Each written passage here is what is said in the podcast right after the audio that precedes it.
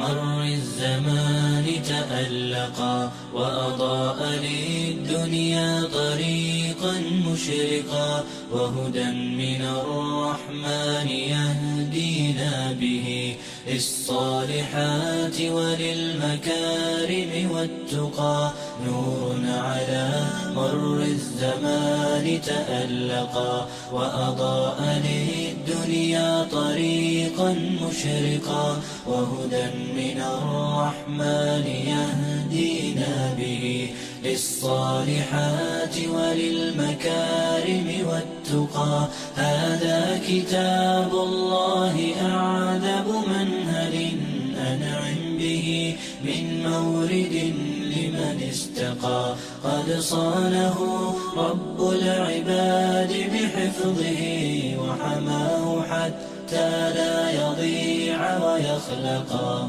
طوبى لمن حفظ الكتاب بصدره فبدا وضيئا كالنجوم تألقا وتمثل القرآن في أخلاقه وفي خاتم الأنبياء والمرسلين وعلى آله وأصحابه الكرام وسلم تسليما كثيرا أما بعد اللهم انفعنا بما علمتنا وعلمنا علما ينفعنا وزدنا علما والحمد لله على كل حال ونعوذ بالله من حال أهل النار suuraddan siddeetan waa suuratu cabasa makiya wa aayaatuhaa hintaani wa arbacuun. Waa labiyo afartan aayadood iyadoo kooban. Suuraddu waxay ka warramaysaa dhacdo dhacday wakhtigii rasuulka sala allahu calayhi wasalam taasoo nebiga iyo asxaabi ka mida dhex martay iyada oo ilaahayna uu saxay. Dhacdadaa iyada ah sidii habboonayd oonu nebigu yeelin iyo iyada oo isagu markaa uu ijtihaadayay rasuulku sala allahu calayhi wasalam qaala allahu tacaala alla wuxuu idhi cabasa nebigu wejiguu ururiyey watawallaa waana sii jeedsaday. An jaa'ahu inuu u yimid daraaddeed alacmaa indhooleh mida indhalaawo ah. Wamaa yudriika maxaa ku ogeysiiye nebi maxamedow lacallahu wuxuu u dhow yahay indhoolahaasi oo laga yaabaa yazakka inuu nadiif noqdo oo uu isnadiifiyo. Aw yadakaru ama uu waantoobo oo fatanfacahu ay wax ku tarto addikraa waanadu. Amaa man istakhnaa qofka isagu kaaftoomay ee kibray fa anta adigu lahu isaga tasaddaa waad qaabilaysaayoo waad u dheg raaricinaysaa miyaa? Wamaa calayka waxba kaama saara. Anlaa yazakkaa inaanu nadiif noqoninoo dembigiisa uu iska wato. Adiga lagu qabsan maayo wax kaa galay ma jiro. Wa amaa man jaa'aka midka kuu yimi yascaa isagoo ordayo xaqdoona wa huwa yakhsha alla ka cabsanaya. Fa anta adugu canhu isaga talahaa. Waad iska mashquulinaysaa waad u dhagoolaynaysaa miyaa kalaa sidaa ha yeelina ka dah. Innahaa suuraddani tadkiratun waa waano. Faman shaaa qofka doonaa dakarahu qur'aanka ha ku waantoobo ha ku wacdoomo.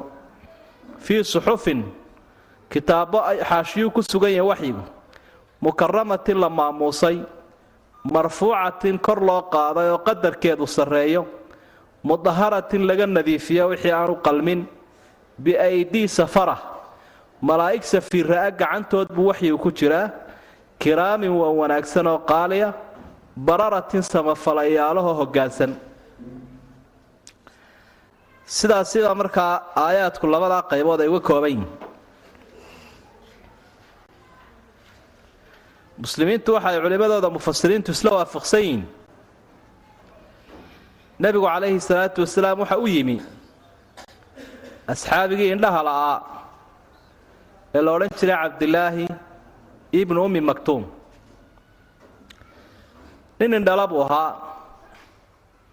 Isagu markaa dee qofkuna kol hadday xaasatulbasar dareenkii indhuhu kol hadduu ka maqan yahay wax weyn baa ka dhiman xaaladdaa wuxuu la hadlayay rasuulku sala allahu calayhi wasalam niman madax ahaa. Dhugdhuglayaashii waaweynaa ee quraysh ka madaxda ahaa adeerkii cabbaas baa ku jiray umayatu bnu khalaf abijahal cutbo iyo shayba oo ilmo rabiica kuwii cafaariiddii ugu daraa ayaa markaa nebigu uu la hadlayay oo ay isku afhaysteen. Dabeetana mid markuu ku akhriya waxa uu lahaa sidaa iyo sidaa weyn miyaad arrintaa dhibaato u aragtaa? Qaarkood markaa waxay iska yaro dhigayeen inay qancayaanoo markaasaa waxay lahaen maya arrintaa dhib uma aragno waa sidaa iyo saa wey miya arrintaasi xun tahay? Maya ma xuma. Iyadoo ay u yaro eg yihiin sidii wax godladay oo kale oo dhegta raaricinaya oo isaguna uu ku afhaysto ee uu isleeya irbadii waad ka taagtay ayuu dhinacan kaga bilaabay. Markaa asxaabiga isaga ah ee cabdilaahi la ydhaahdaa markaa wuxuu leeyahy callimnii mima callamaka allah ilaahay wixii uu ku baray wax iga bar waxa iyo waxaasaan ku weydiinaya iga jawaab. Labadii baa markaa isku dhacay. Dabeetana wuxuu is idhi ninkan dee kolley waana kula joogaa ma foga. Su'aalahana waad uga jawaabi doontaa. Balse kuwan kada laga yaabo inay firdhalaan. Haddaad ka sii jeedsato iyaga hadalka u sii wada u dhammaystir. Isagiina wuu odhan kari waayey niman la hadlayaa.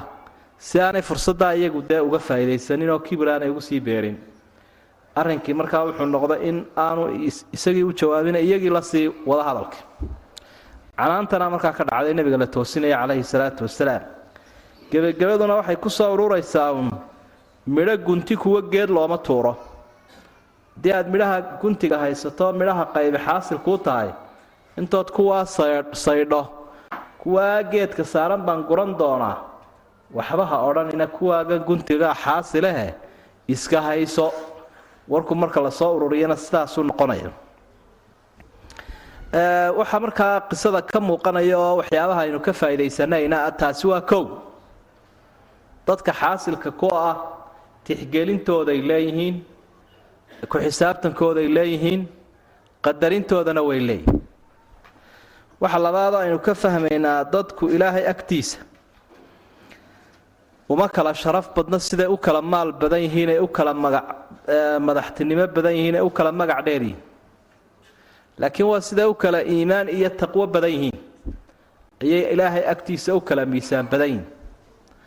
Waxaynu ku soo maraynay suurat lancaam iyo suurat lkahfi iyo macnahan oo kale macno u dhow ilaahay dadka masaakiinta ah ee mu'miniinta ah buu nebiga farayay inuu qadariyo aad iyo aad u tixgeliyo. Walaa tadrud aladiina yadcuuna rabbahum bilghadaati waalcashiy yuriiduuna wajha walaa tacdu caynaaka canhum turiidu ziinata alxayaati dunya kuwa mu'miniinta ilaahay caabudaya gelinka hore iyo gelinka dambeba iyagoo cibaadadooda ilaahay daraaddii ula jeeda kuwa ha eryin hana ka sii jeedsanin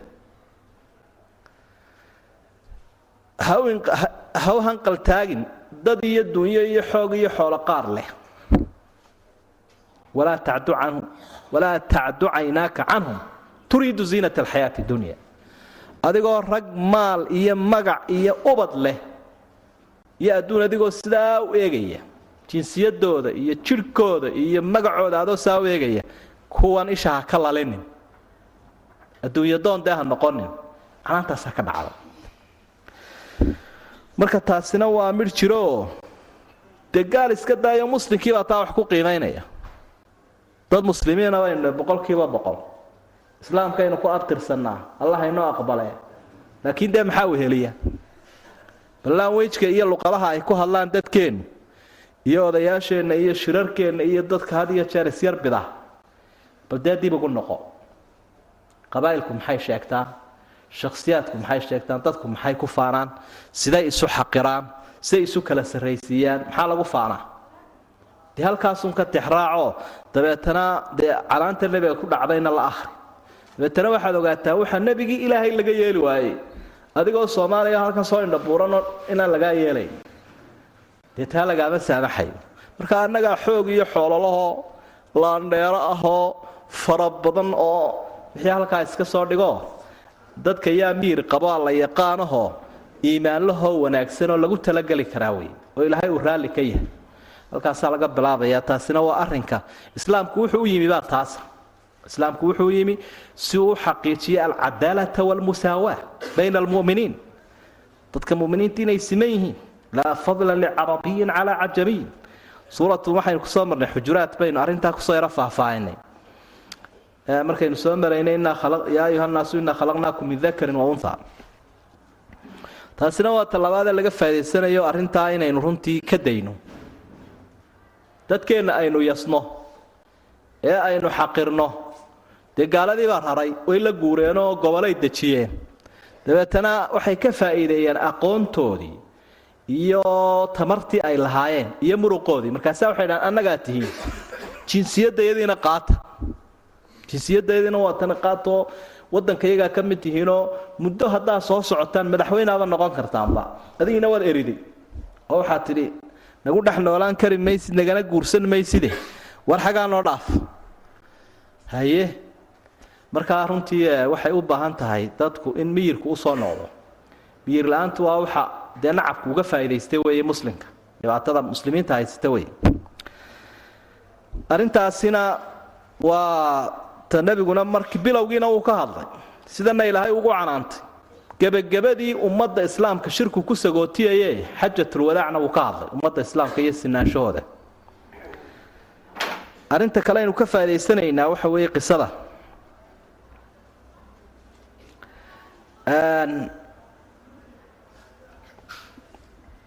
Dee haddii ay suuragal noqoto qofka wax la weydiinayo ama wax la soo moodo wakhtiga uu mashquulsan in laga daayo. Xaaladda uu markaad ogaato qofka madaxda ah ama qofka aad marti uteed wax weydiisanayso ama qofka aad arrin diiniya weydiinaysa xaaladaanu diyaar ahayn xaraj buu gelayaa iyo cidhiidhi. Adigana aan ku wanaagsanayn isagana aan u wanaagsanayn inaad fursad eegato. In fursad la eegto fursadaasi waxay ka faa'iida tahay ammaanadii diiniga ahayd ama cilmiga ahayd sideedii inuu qofku u gudan karo. Laakiin qofka oo u eg mid la qallaxay oo kale ama la bacadjoojiyey haddaad su'aalo diiniya weydiiso ama maal weydiiso ama manfac weydiiso kaa firdhan dabeetana isagana dhib bay ku tahay adigana dhibaatay ku noqonaysaa. Marka furaska in laga faa'iideeyaa aad bay muhiim u too dee qur'aanku su'aalaha qaarkood buu diidayba. Waxyaabaha aynu ka faa'iidaysanaynaana waxaa saa horeba aynu u soo sheegnay inaan dadka la yaryaraysan karin. Mid waliba tamar buu leeyahy ummadda nebiguna tamartooda uu ka wada faa'idayn jiray. Raggana tamartoodu ka faa'idaynaya dumarkana tamartoodu ka faa'idaynaya mid walba. Asxaabigan marka la dagaalamo ee had iyo jeer cadowga loo baxo nebigu madax buu uga dhigi jiray madiina. Si ummadda u tukiyo oo arrimaha loola noqdo oo wixii diiniya iyo masaajidkii rasuulka iyo sala allahu calayh wasalam isagaa tukinaya. Waayo haddii uu bixi kari waayo hubkii uu qaadan kari waayo dee ma salaadaanu tukin karayn salaada waa ku filanya iyo arrimaha diiniga iyo wacdigooda iyo waxsheegmada iyo qancinta ummadda. Wuu kari karaya waxa uu qaabilay qayb dhan oo shicaarkii muslimiintu ay lahaayeen oo adaankii. Markaasuu dee muadinkii labaadee rasuulku ahaa sala allahu calayhi wasalam adaanka horena bilaal baa lahaa adaanka dambena cabdilaahi baa lahaa. Marka waa kaalin buuxis. Qofkani maantaan maqlayay qolo naafa ah iyo waxbaa laga hadlayay. War naafada cidda ugu horraysa meelaysay waa islaamka marka islaam lagu dhaqmayo dadku naafo iyo qawi ma kala yaqaanaane. Abubakar markuu halkaa isa soo taagay khudbadiisii ugu horraysay ee uu ka warramayay barnaamijkiisa wax ku hogaamin doono waxau ihi wardadiio ogaada ka qawiga ahi agtayda waa daciif. Ilaa aan xaqii lagu lahaa ka qaado. Qofka daciifka ahina agtayda waa qawi. Ilaa aan xaqiisii siiyo marka wax qawiyo daciif la idhaahdaa ma jire dadku agtayda wuu simayey naafo iyo qawi iyo kanaa xoog iyo kanaa muruqyale waa nidaamka jaahiliyadunbay had iyo jeer ka mid yihiine ururada naafadii waxana waxay samaysmeen markii laga dulguuray meel urura lagu sameeyey haddaad aragto. Oo urura samaysmeen. Waa dad loo turi waayay oo la soo eegi waayo weeye laakiin marka la isxusuusanya la isxambaaranayo ee kan xigtadiisii iyo jaarkiisii iyo ehel cid waliba qaadayso dee ururba ma samaysmaya ururadani waxay ka samaysmeen gaaladoo dadkii ducafada ahaa ayay ka tegeenoo markaasaa qolo waliba yidha war xaqayna aan dhacsanno. Ee b y isu keenkeena. Ururada halkaasay ka yimaadeen. Marka cabdilaahi nebigu ma odhanin adigu naafaa tahay meelaha lagu hogaamiye meelahagaa iska marmare. Markii dambe dee markuu ka soo horbaxa rasuulka sala allahu calayhi wasalam soo dhawow buu odhan jiray kii ilahay igu canaantayow kaalintaasaan ummadda u hayo saasu maaragta dee taariikhdiisa kolley siirada ku xusanta iyo fadliga lahaa. Waxaynu ka faa'iidaysanaynaa oo inoogu cad qisada. Nebi maxamed calayhi salaatu wasalaam ammaanadii ilaahay u soo dhiibay iyo qur'aankii inaanu waxba la hadhin. Sidii uu ahaa inuu waxyigan u soo gaadhsiiyey. Wax uu qariyeyna aanu jirinba.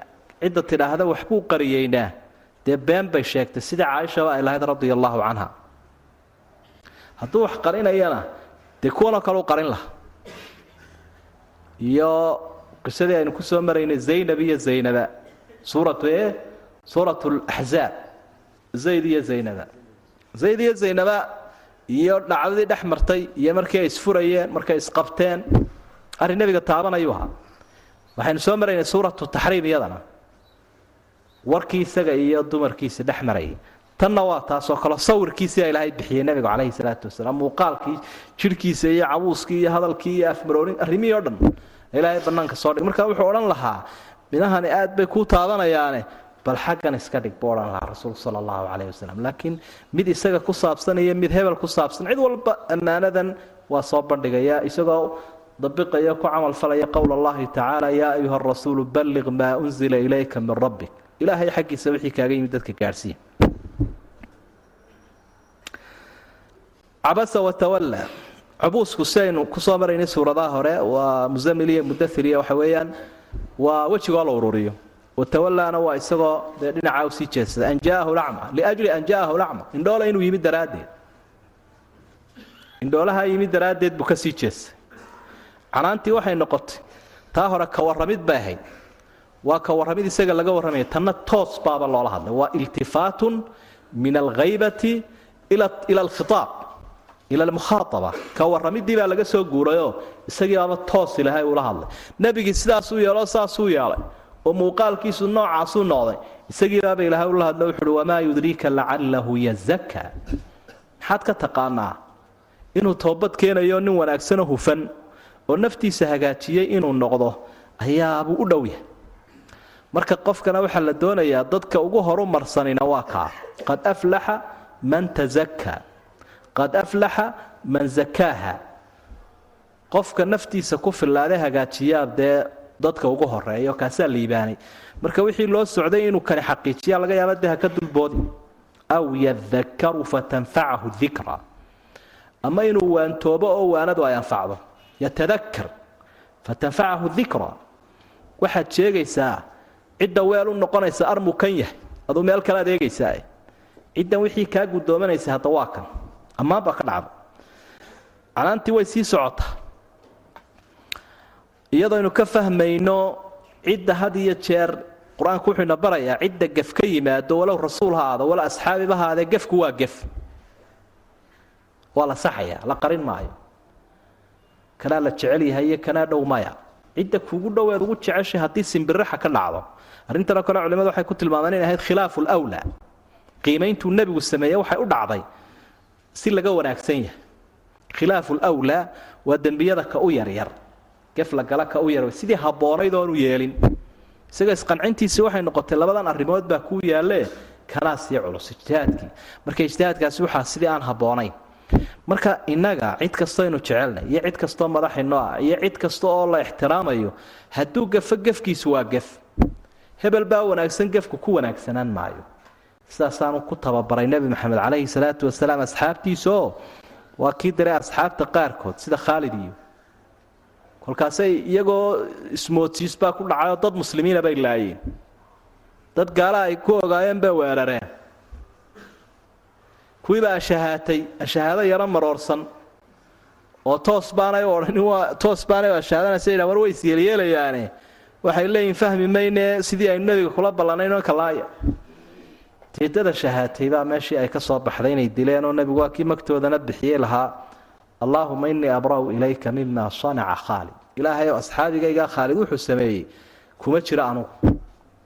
Marka asxaabigii waa asxaabigii laakiin gefkiisaasi waa gefki. Dhibkayna haystaa waxa weeye qof kastoo jeceshahay haddaad isku dayda inaad daboosho asturto gefkiisa. Oo aad tidhaahdo me hebel isagu kuma jiro waxaa ma aha me inuu sidaan u jeedo gefkiisii aad saa ku qariso. Waxba wada socon maayo halkay cadaaladdu ka soo qalloocato wey amaa man istanaa faanta lahu tasada ka isagu istanaa kaaftoomee nebi ka maarmay ilaahay ka maarmay diin ka maarmay asxaab ka maarmay tasada faanta lahu tasada miyaad u banbaxaysaa? Tasadigu waxa weeye qaabilaadda buuxda eed qofkii indhahaaga iyo dhegahaaga iyo jidhkaaga iyo wejigaas si fiican u siiso. Muqaabal ah walisqaa iyo adigoo u dheg raariciya. Si fiican aad u qaabisho kana waad ka sii jeesatay. Kana waad qaabishay wamaa calayka anlaa yazakaana waxay tilmaamaysaa waxba kaama saara inuu iska dhoobnaado. Anlaa yazaka ama istifaamba haddii laga dhigo. Ayu shayin calayka? Cadama taskiyati maxaa kaa saaran inaanu toobadkeenin adiga balaaq baa kula gudbanaa gaadhsiiyo dee nafta ha duldhigin ha isku dhibinoo kow ha iskaga siinin siduu toobad keeni lahaa. Haddaad adigu ammaanadii gaadhsiisay iyo dacwaddii oo isagu uu toobad keeni waayo dee laguma haysta adiga. Wamaa calayka ayu shayin calayka anlaa yazaka inuu toobad keeni waayo maxaa kaa saaran? Canaanta adag wey wamaa man jaaaka yasca wahuwa yakhsha. Ka yimi isagoo ordayay allana ka cabsanaya fa anta canhu talaha. Waad iska mashquulinaysa canaanta ilahay rasuulkiisa canaananaya fa anta canhu talaha. Talaha waad iska mashquulinaysa. Nimankanaad ku mashquulaysa. Kada kalaa ayaa ilahay uhi laa tafcal dalik sidaa ha samayn. Marka qur'aanku sidaasuu qiyaadada iyo hogaaminta u carbinaya oo acyaanta u carbinaya oo dadka mas'uuliyiinta u tilmaamaya oo ummaddu siday u wada noolaan lahayd iyo qof waliba halkuu degi lahaa buu qur'aanku baraya. Anzilu nnaasa manaasilahum amaranaa rasuulu llahi aw umirna an nunzila alnaasa manaasilahum markii dambe caaisha waxay leedahay nebigu waxaanu ka barannay dadka inaanu qof walba halkiisa dejinno aanu qof walba miisaanku leeya innahaa tadkira faman shaaa dakara suuraddani waa waanay qofkii doonaya ha ku waantooba kii doonayaana ha iska diido dee dadkii waa xor ikhtiyaar bay leeyihiin oo ilaahayna u imtixaanaya marka waxaa laga doonaya inay raacaan laakiin faman shaaa dakarahu waxa weeye qofkii doonaya ha ku waantoobo. Waa dadkii lama qasbayo ee waa la imtixaanayaa ee wakaasoo wacdi waanaba taasaa idinku filan idin anfacdo. Dakarahu marka innaha waa aayaadka ama innahaa suuradda. Dakarahu damiirkan mudakarkiina waa qur'aanka. Qofkii doonaya wakaasoo qur'aankii ha ku waantoobo.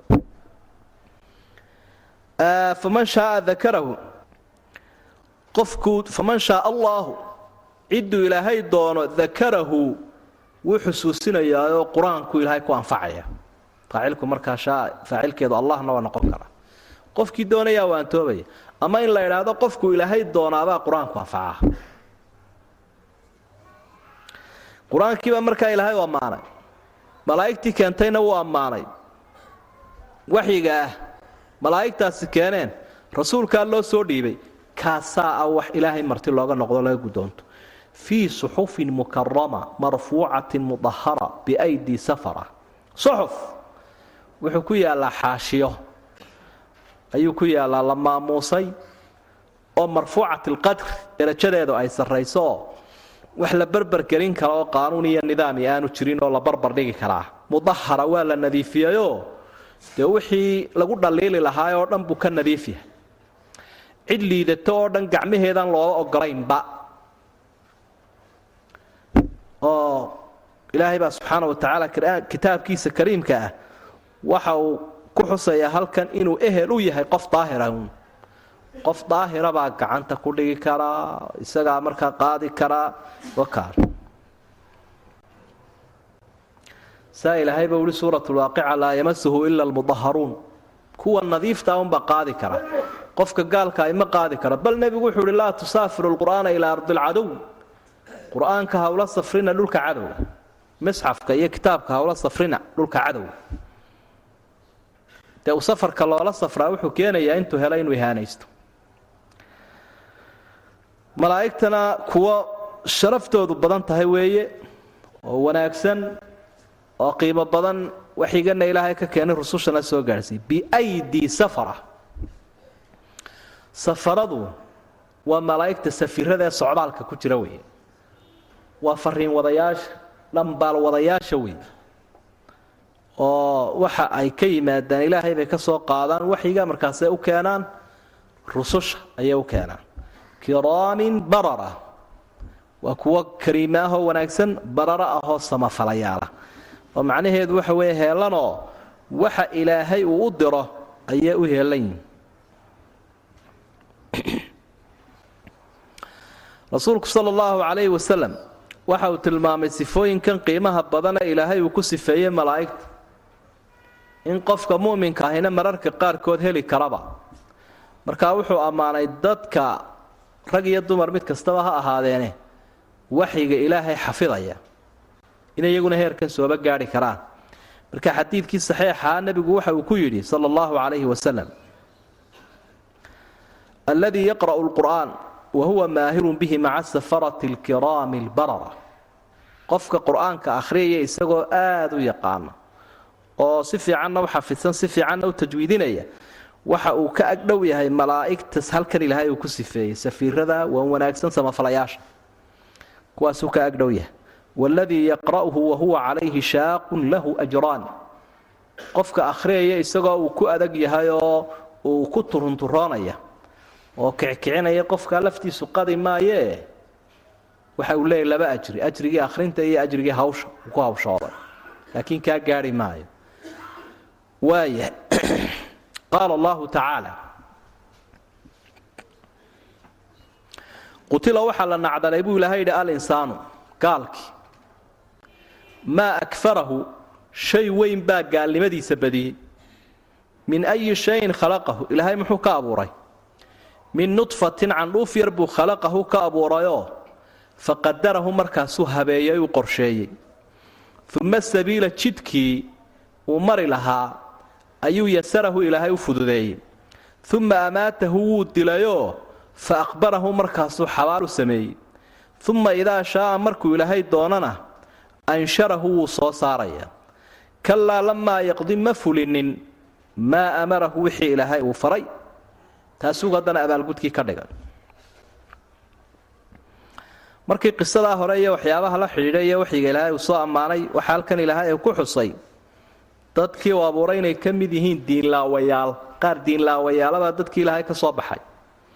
Oo nicmadaa diintee la soo sheegay kitaabka ana aan eegin. Nicmadii abuurkiisa la xidhiidhayna aan eegin. Nicmadii calafka ilaahay uu siiyey iyo deeqda uu ku galladayna aan eegin oon ilaahayba aqoonoon alla yaqaanba ahayn. Kuwaasaa bani aadamkii ka soo baxay oo ku jira. Marka gaalkiiba halkan ilaahay uu eedeeyey oo uu nacdalay oo uu fogeeyey. Qutila. Macnayaal dhowrayn yeelataa waa la dilay waa macne.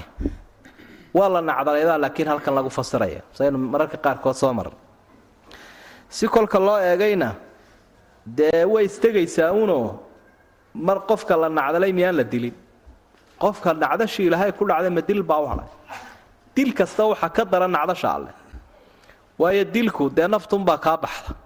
Laakiin nacdashu wayba ka sii daran tahayba. Waa dil joogto ah. Cadaab mustamira oo aan kala go' lahaynoo weligii iyo allihiiba haysanaya wey. Waa dil joogto ah. Maa akfarah ayu shayin akfarahu. Gaalnimadiisu way weynti shay-un cadiimun akfarah tacajub baa la ydhaha la yaab. Gaalnimadiisu weynaa balaaya ku dhaca. Haddii cidi ay wax dafirayso cid wax dafirto oo wax qariso oo wax asturto waxa ugu daran ka ilaahay iyo xaqiisii dafire asturay. Ilaahay maxaa ka weyn? Xaqiisa maxaa ka weyn? Xurmadiisa maxaa ka weyn? Ka intaaba liqay. Ee ka soo dulbooday kaasaa ugu dafiraad weyn. Dadku waxay idhaahdaan qofka ay ka yaabaan baa waxay idhahdaan kani waa bisadnikaa wax walba uu qariyaa ama waxay idhaahdaan kaa hebelkaa isaga ay waa nahaab. Dadka xoolahoodu dafiraa ayay yidhaahdaan markay aada u sifaynayaanay dadka uga digayaan nahaabka ugu weyni waa gaal. Mar hadduu ilaahay boobay subxaana wa tacaala xaqiis. Maa akfarahu gaalnimadiisu weynaa balaa ku dhacda alla ha nacdalo iyadoo markaas naskana aynu ka faa'idaysanayno guud ahaan gaalada in loo nacdali karo. Si guud in loo nacdali karo. Qutila alkharaasuun qutila alkharaasuun beenaalayaashii kufaartaa waa la nacdalay. Marka allacnu gaalada si guud in loo nacdalayo ama si guud loo habaarayo muslimkana si guud loo ammaanayo si guudna loogu ducaynayo wax iyadu dee nusuusta ku sugan weeye oo aan cidina diidi karayn ka diidaana dee uu ku dhexdhacayu khaldan yahay lucina aladiina kafaruu min bani israa'iila calaa lisaani daawuuda wa ciisa bni maryam ilaa akhir alaayaat markaa haddaba halkan ilaahay waxa uu xusay bal haddaba ilaaha uu dafirsanyi insaankan xagguu ka keenay marxaladaheebuu mariyey manfaca uu siinayo wax badan oonu dafiriba karaynin gaalkani ilaahayna ilaahnimadiisa adkaynaya caddaynaya xaqa uu leeyahayna sugaya halkan alla uu soo bandhigay min ayi shayin khalaqa muxuu ka abuuray? Ilaahay isagaa isu jawaabay oo min nudfatin khalaqahu faqadara annudfa waa candhuuftaa yare ka imanaysa waalidka. Innaa khalaqna alinsaana min nudfatin amshaaj. Biyaha yare isku dhex darmee aabba iyo hooyo kuwaasaa asalkiisii u ahaa gaalkan isaga ilaahay dafiray. Faqadarahuna waxay tilmaamaysaa ilaahay baa qorsheeyo habeeyeyoo wuxuu ku habeeyey isagoo ku jira uurkii hooyadii.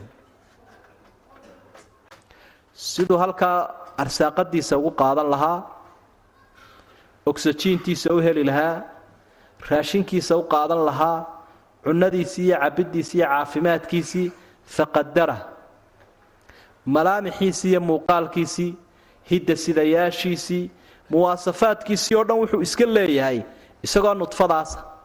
Insaanku marna waxbuu ka fahmaa marna waxba kama fahmo waa qof dhammaystiran oo astaamihiisi iyo malaamixiisi iyo muuqaalkiisi iyo hidasida wixii oo dhan buu iska leeyahay wa huwa nudfa.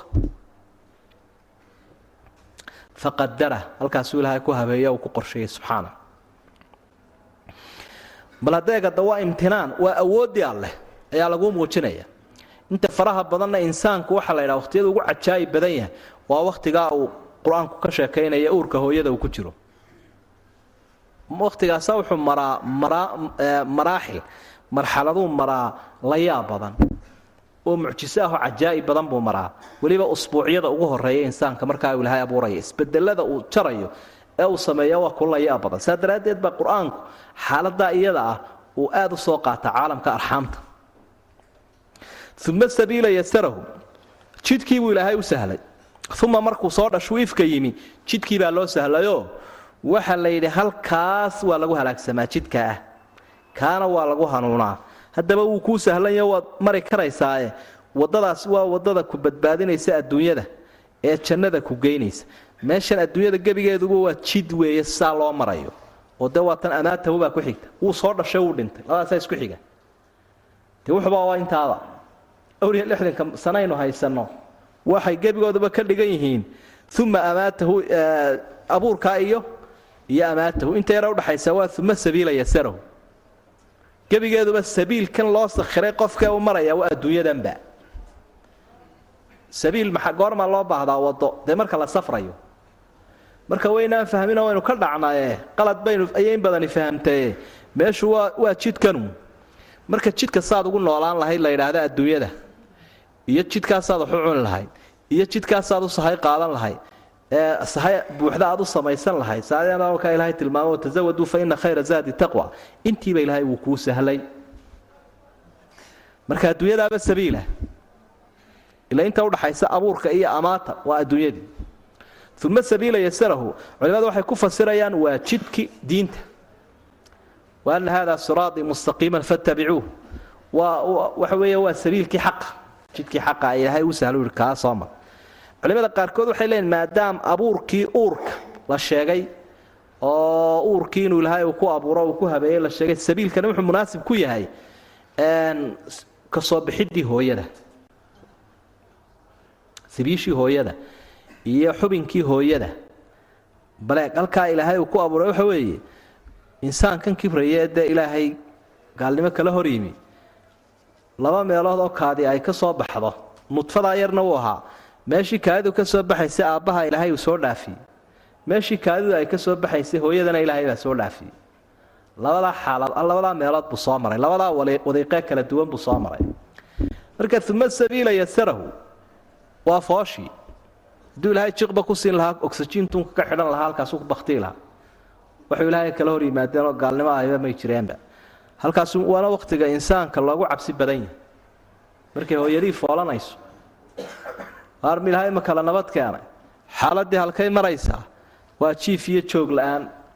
Ayaa la marayaa xaaladda islaantu ay maaragtay ilmahaasi ka soo bixi waaye. Ama inta uu ka soo baxay marka ilaahay baa jidkii u sahlay. Oo iyadoo aan cidina ka dhalinin buu ka keenaya ilaahay. Iyadoon dhakhtarna tegin. Xayawaanka dhakhtar baa la geeya xayawaanka dhalaya mid meeshiisu ku dhalaa mandheertiisa ku goostaayo ilmihiisu ku jaqaayo isku kaxaystaanuune dee iyaduna saasunbay noqon lahayd oo iska hoos qaadi lahayd un ilmaheeda markaas ma sabiila yasarahu dhakhtar baa sidan yeelay umulisaa tan tidhi midna ma yaalo waxa weeyaan waa arrin ilaahay gacantiisa ku jira subxaanahu watacaala jidkiibuu ilahay u sahlay. Uma amaatahu fa aqbara. Imtinaan baa meesha ku jira. Ilaahay awooddiisana wuu ina tusinaya waanu inoo mana sheeganaya. Inoo mana sheeganaya. Waa in ilaahay loogu mahadnaqa subxaana wa tacaala. Mahadnaqii bay ka mid tahay baashan yara la samaynayo walqash alcaqiiqa xaqiiqadu waa uma sabiila yasarow jawaabteedi waatan xoolaha la gowracayo ee la fantiyo maaragtay ilaa hadduu nolol ku soo dhawaa hadduu nolol ku soo dhashana caqiiquu leeyahay. Hadduu nolol ku soo dhalan waayana caqiiqo ma leh. Oo markaa musiibaa dhacday. Ila waa kan dhintee jidkii isaga ahaabaa lagu qufulay ee lagu xidhay markuu nolol ku soo dhasho ilmuhu marka laega fiqiga ayuu yeelanayaa kolkaasuu yeelanaya marka shukri ilaahay loo mahadnaqayo weeye wakhti kastaoo dad iyo duunya u soo korodho qofka. Inta badan islaamku sida qaalibka ah wuxuu jideeyaa in sadaqa iyo waxbixin la sameeyo. Marka gabadhi kuu soo korodho xaas guursata maxaa mashruuc ahaa? Alwaliima marka sidoo kale dee dad kuu soo kordhana ee caruuri kuu soo kordhana ayaa iyaduna jira. Waay uma amaatahu faaqbarah ilaahay baa dilay. Markaasuu xabaalna u sameeyey. Marka awood alla meesha way taallaa isagaa kolka hore nooleeye kolka dambena isagaa dilay. Geeridana isagaa haya noloshana isagaa haya. Taasi waa mid. Waabuu karaameeyey markanuu dilay laftigeedana geeridan aynu ka qaylinayno ee dadku dhimanayo iska daba dhimanayo laftigeeda bani aadamka suuq u ah. Bal ka war hadday han iyo labaatanka awoodeed ku abtirsanaysaabay soo dul fadhiistaan. Nin baa wuxuu idhi anigoo aabbahay layl daran buu aabbihiis keenay buui aniguna isagii baabaan ayaabaan la dadaalayay oo aan la ildaraa buui isna kii dhalay buuba keenay buui ee awowga u ahaa markaa isaga qiyaasti meeshii waa la isla mashquulay buu leeyay kol hadduu inankayga iyo anigii iyo aabbaha iyo awowgii afartan isu yimaadeen waa isla ildaranahay buu leeyay in la kala socdaa fiicnay.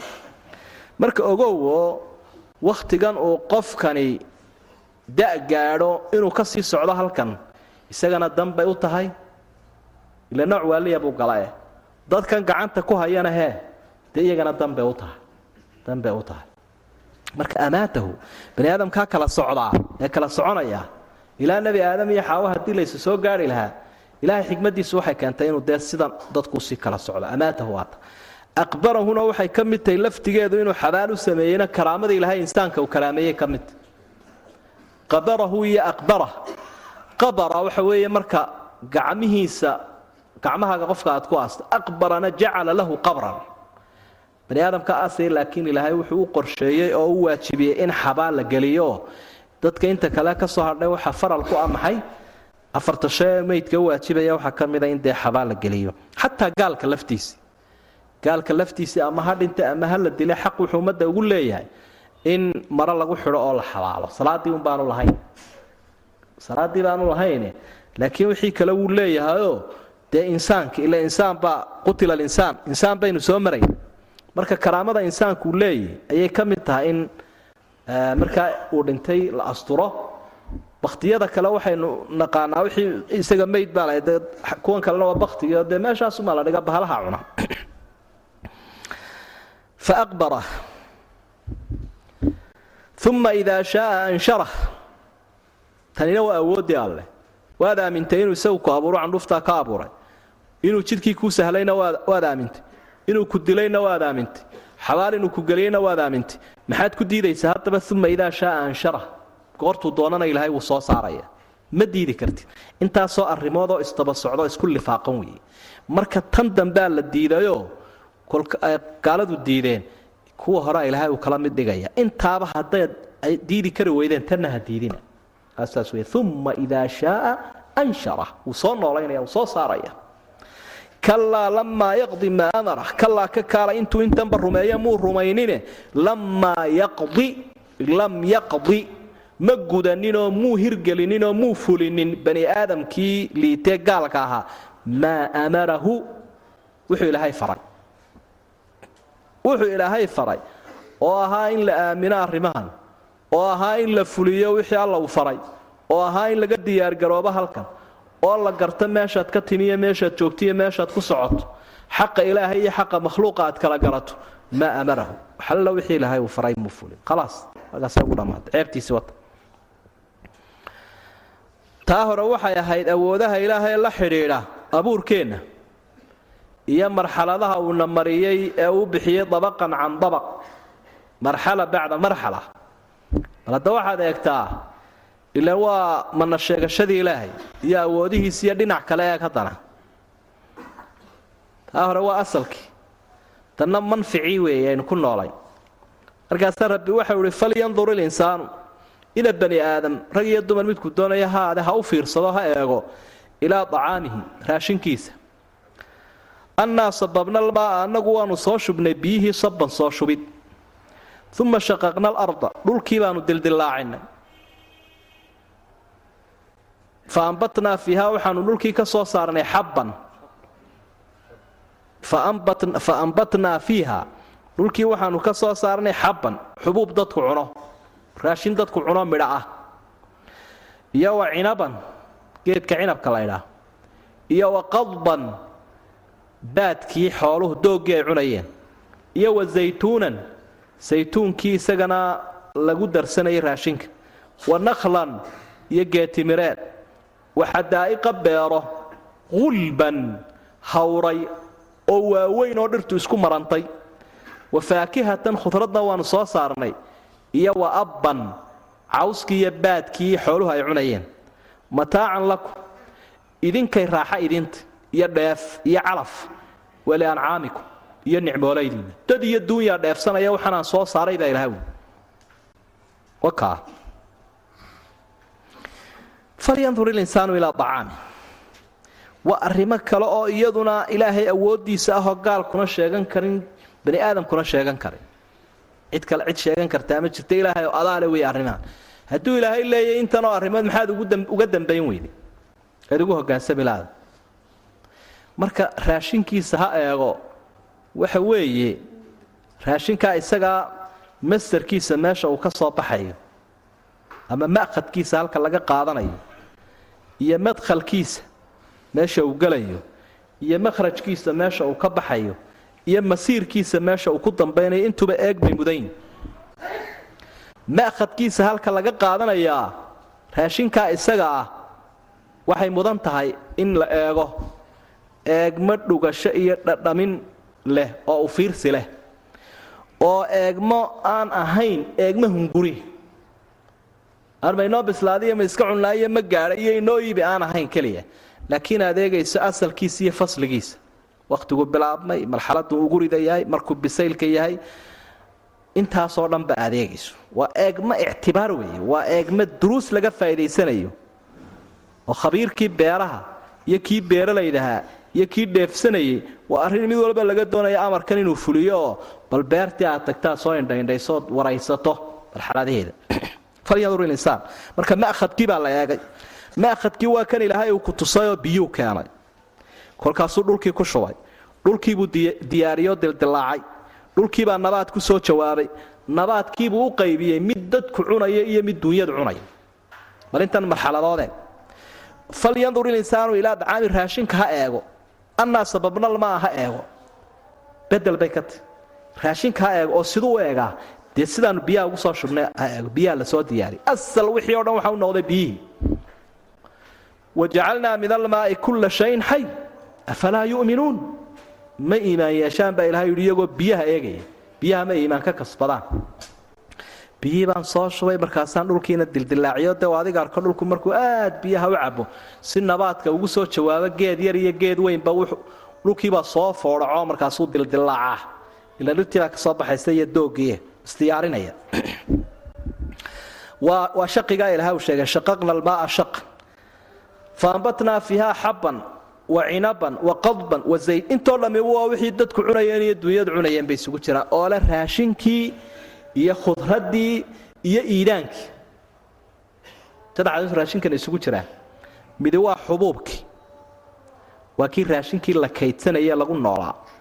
Ee tamarta laga helaya intan kale saytuunka iyo nakhligan iyo inahana waa iyo cinabkan iyo iyaguna waxa weeyaan casiirkii iyo baalkii kale isaguna timirtii iyo malabkii laga helayay iyo zabiibkii iyo waa khudrawaadkii. Faakiha sidaa ilahay uu tilmaamo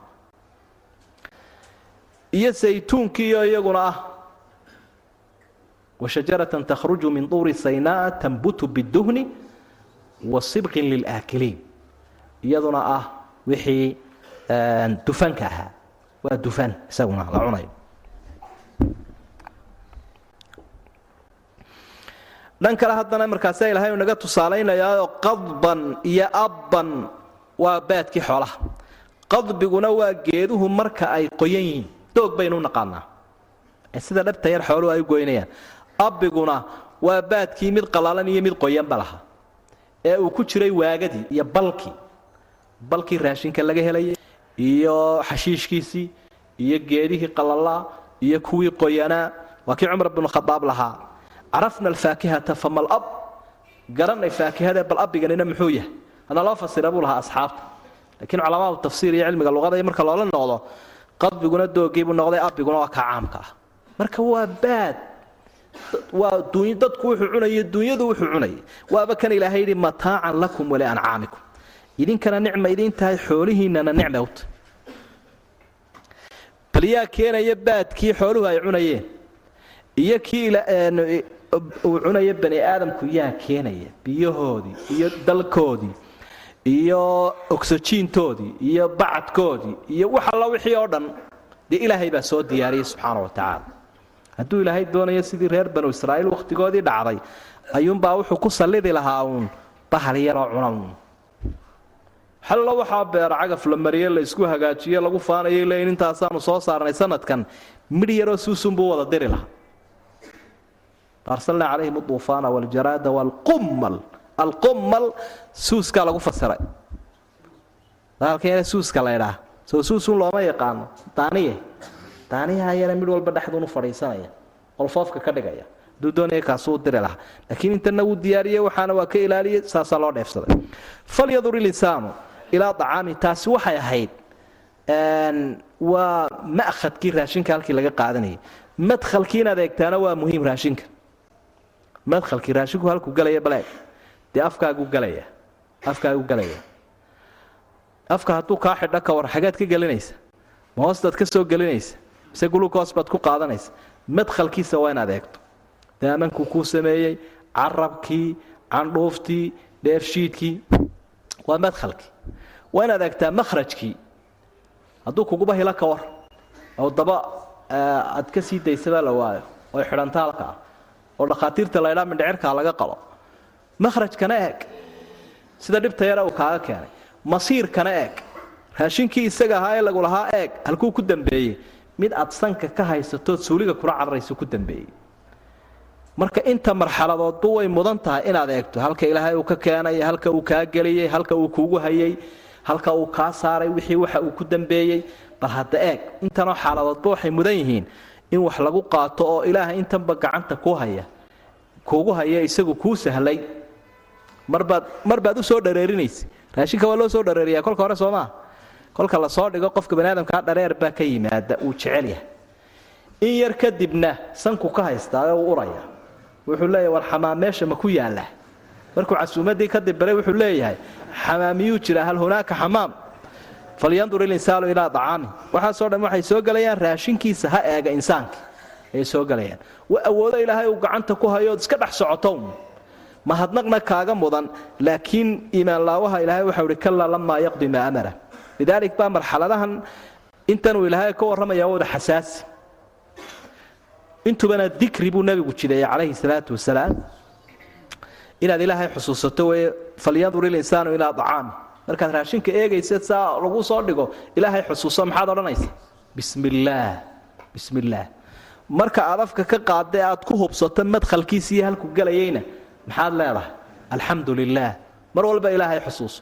Kow markuu kaa soo baxee makhrajkii uu ka keenayna ee aanu kugu xidhxidhinna maxaad leedahay? Qufraanak ilaahayow dembidhaafkaagaan doonaya. Qufraanaka dembidhaaf maxaa halkan dembidhaaf loo xusaya macnaheedu waxa weeye nicmada halkan ka dhacday kama mahadnaqi karo.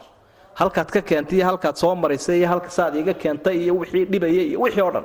Qufraanak alxamdu lilaahi aladii adhaba caniya aladaa wacaafaanii cama baqiya. Intaasi riwaaya sheegaysa laakiin waa daciifa oo may sugmin. Xikmad ahaan laakiin waa sax. Macnahay ka warramaysaa daciifba ha ahaadee. Alxamdu lilaah ilaahay baa mahadleh alladii adhaba caniya aladaa saxaradii dhibaysa iyo kaadidii dhibaysa iga tagsiiyey wacaafaanii camaa baqiya. Inta igu hadhayna igu caafimaadiyey. Inta igu hadhay qabsinada ku hadhayna ilaaha igu caafimaadiyey. Intii isoo dhaaftayna ilaaha iga keenay baa mahadleh markaa waa xikmad ahaan kolka loo eego macno saxa bay ka warramaysaa ayaan xadiid ahaanba loo qaadan. Lakiin inta saxiixa waxa weye qufraanak inuu qofku yidhaha markuu xamaamkii ka soo baxo ilaahay kuma mahadnaqi kara iga dhaaf mahadnaqaa aan kari kari waayo qaala allahu tacaala ilaahay baa waxau ihi faidaa jaa'at isaakha marka ay tii qayladii timaaddo ku dhawaaqidii suurtu. Yowma maalin ayuu ahaaday ama yowma maalin xus yafiru lmaru. Qofkii waxa uu ka cararayaa min akhiihi walaalkii wa ummihi hooyadii wa abiihi aabbihii wa saaxibatii ooridiisii wa baniihi wiilashiisii maxaa dhacay?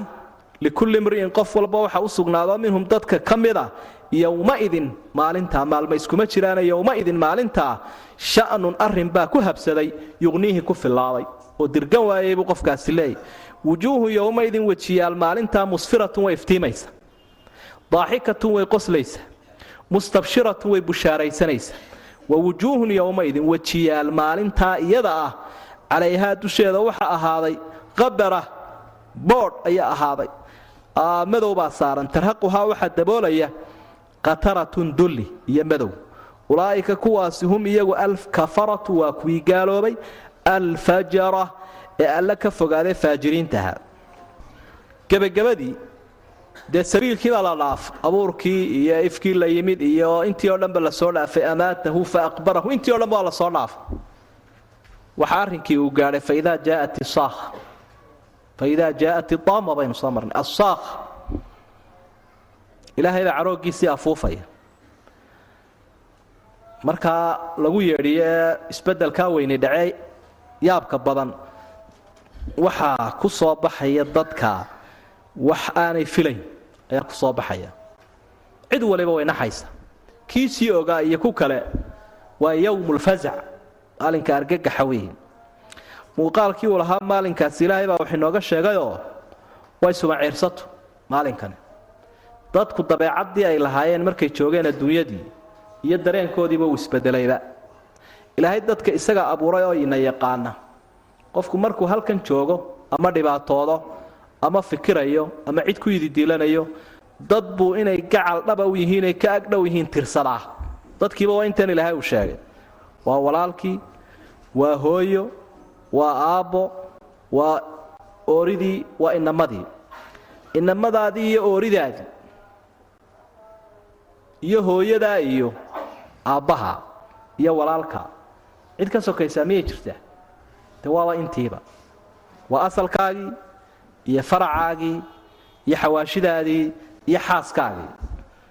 Waa asalkaad ka faracnayd iyo kuwii adiga kaasii farcamay iyo kuwii hareerahaaga ahaa ee walaalihii iyo xaaskii iyadana aad ku dhololaysad indhahaaga ka jeclayde kugu lifaaqnayd ee heblaayo la odhan jiray saaxiibadii saaxibati intaasaa markaad xanuunsato iyagaa kuu dhaqdhaqaaqa soomaa haddii lagu xidhana way kuu dhaqdhaqaaqa. Haddaad bukootona way kaa agdhowyihin midiba meel meel debaddaa ku raaca iyo mid halkan kugu intanunbaa isfeelaariya markay adduunyada wax ku helaan. Ka intan qaarkood waa inagu goblamay bay dhan hebel waa goblan asal iyo faractoona ma leh. Intii oo dhan ayaa insaankii waxa uu leeyahy aan lay tusin. Talo muxuu ku diiday? Dee wuu baqayaa wuxuu isle armay balaaya ka soo baydhaa armay bela ka soo yeedha adaaba il darane armay ku qabsadaan oo islaantii xaq sheegata oo odaygii wax soo sheegta oo inamadii wax sheegtaan waa baniihi ma aha xataa awlaadihi ma aha waa baniihi waa wiilashi.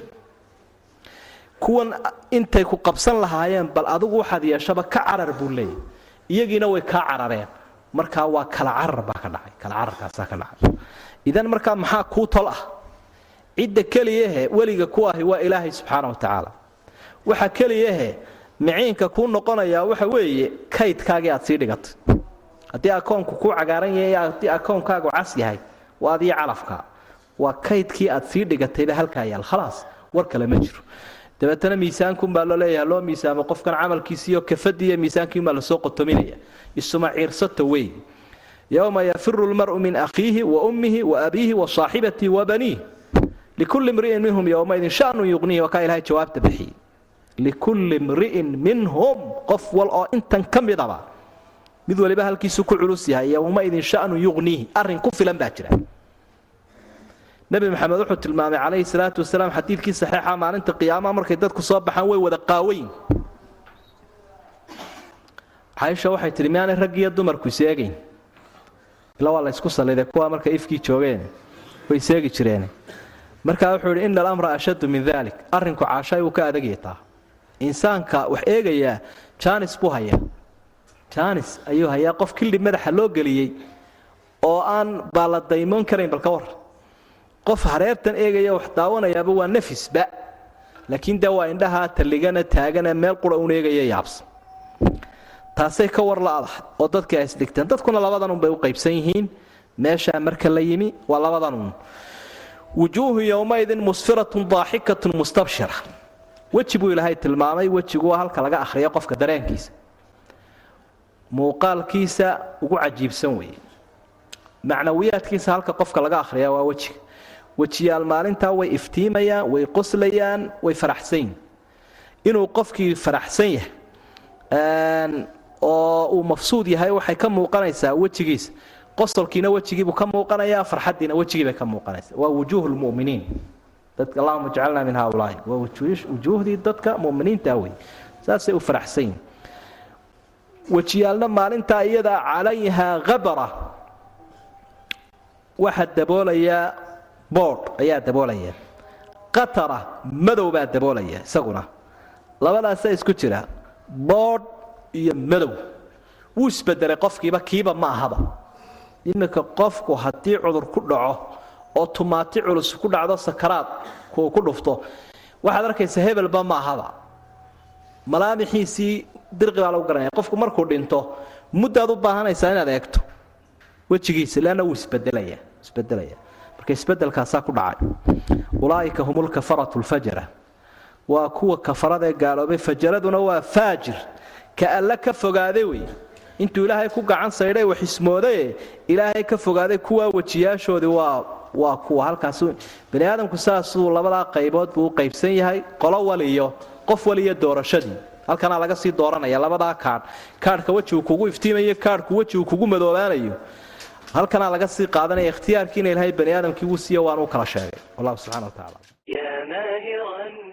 ماهرا بكتاب الله تقرأه أبشر بنور الله والحسنات اقرأ ورتل خاشعا متغنيا بأعذب الألحان والآيات يا ماهرا بكتاب الله تقرأه أبشر بنور الله والحسنات اقرأ ورتل خاشعا متغنيا بأعذب الألحان والآيات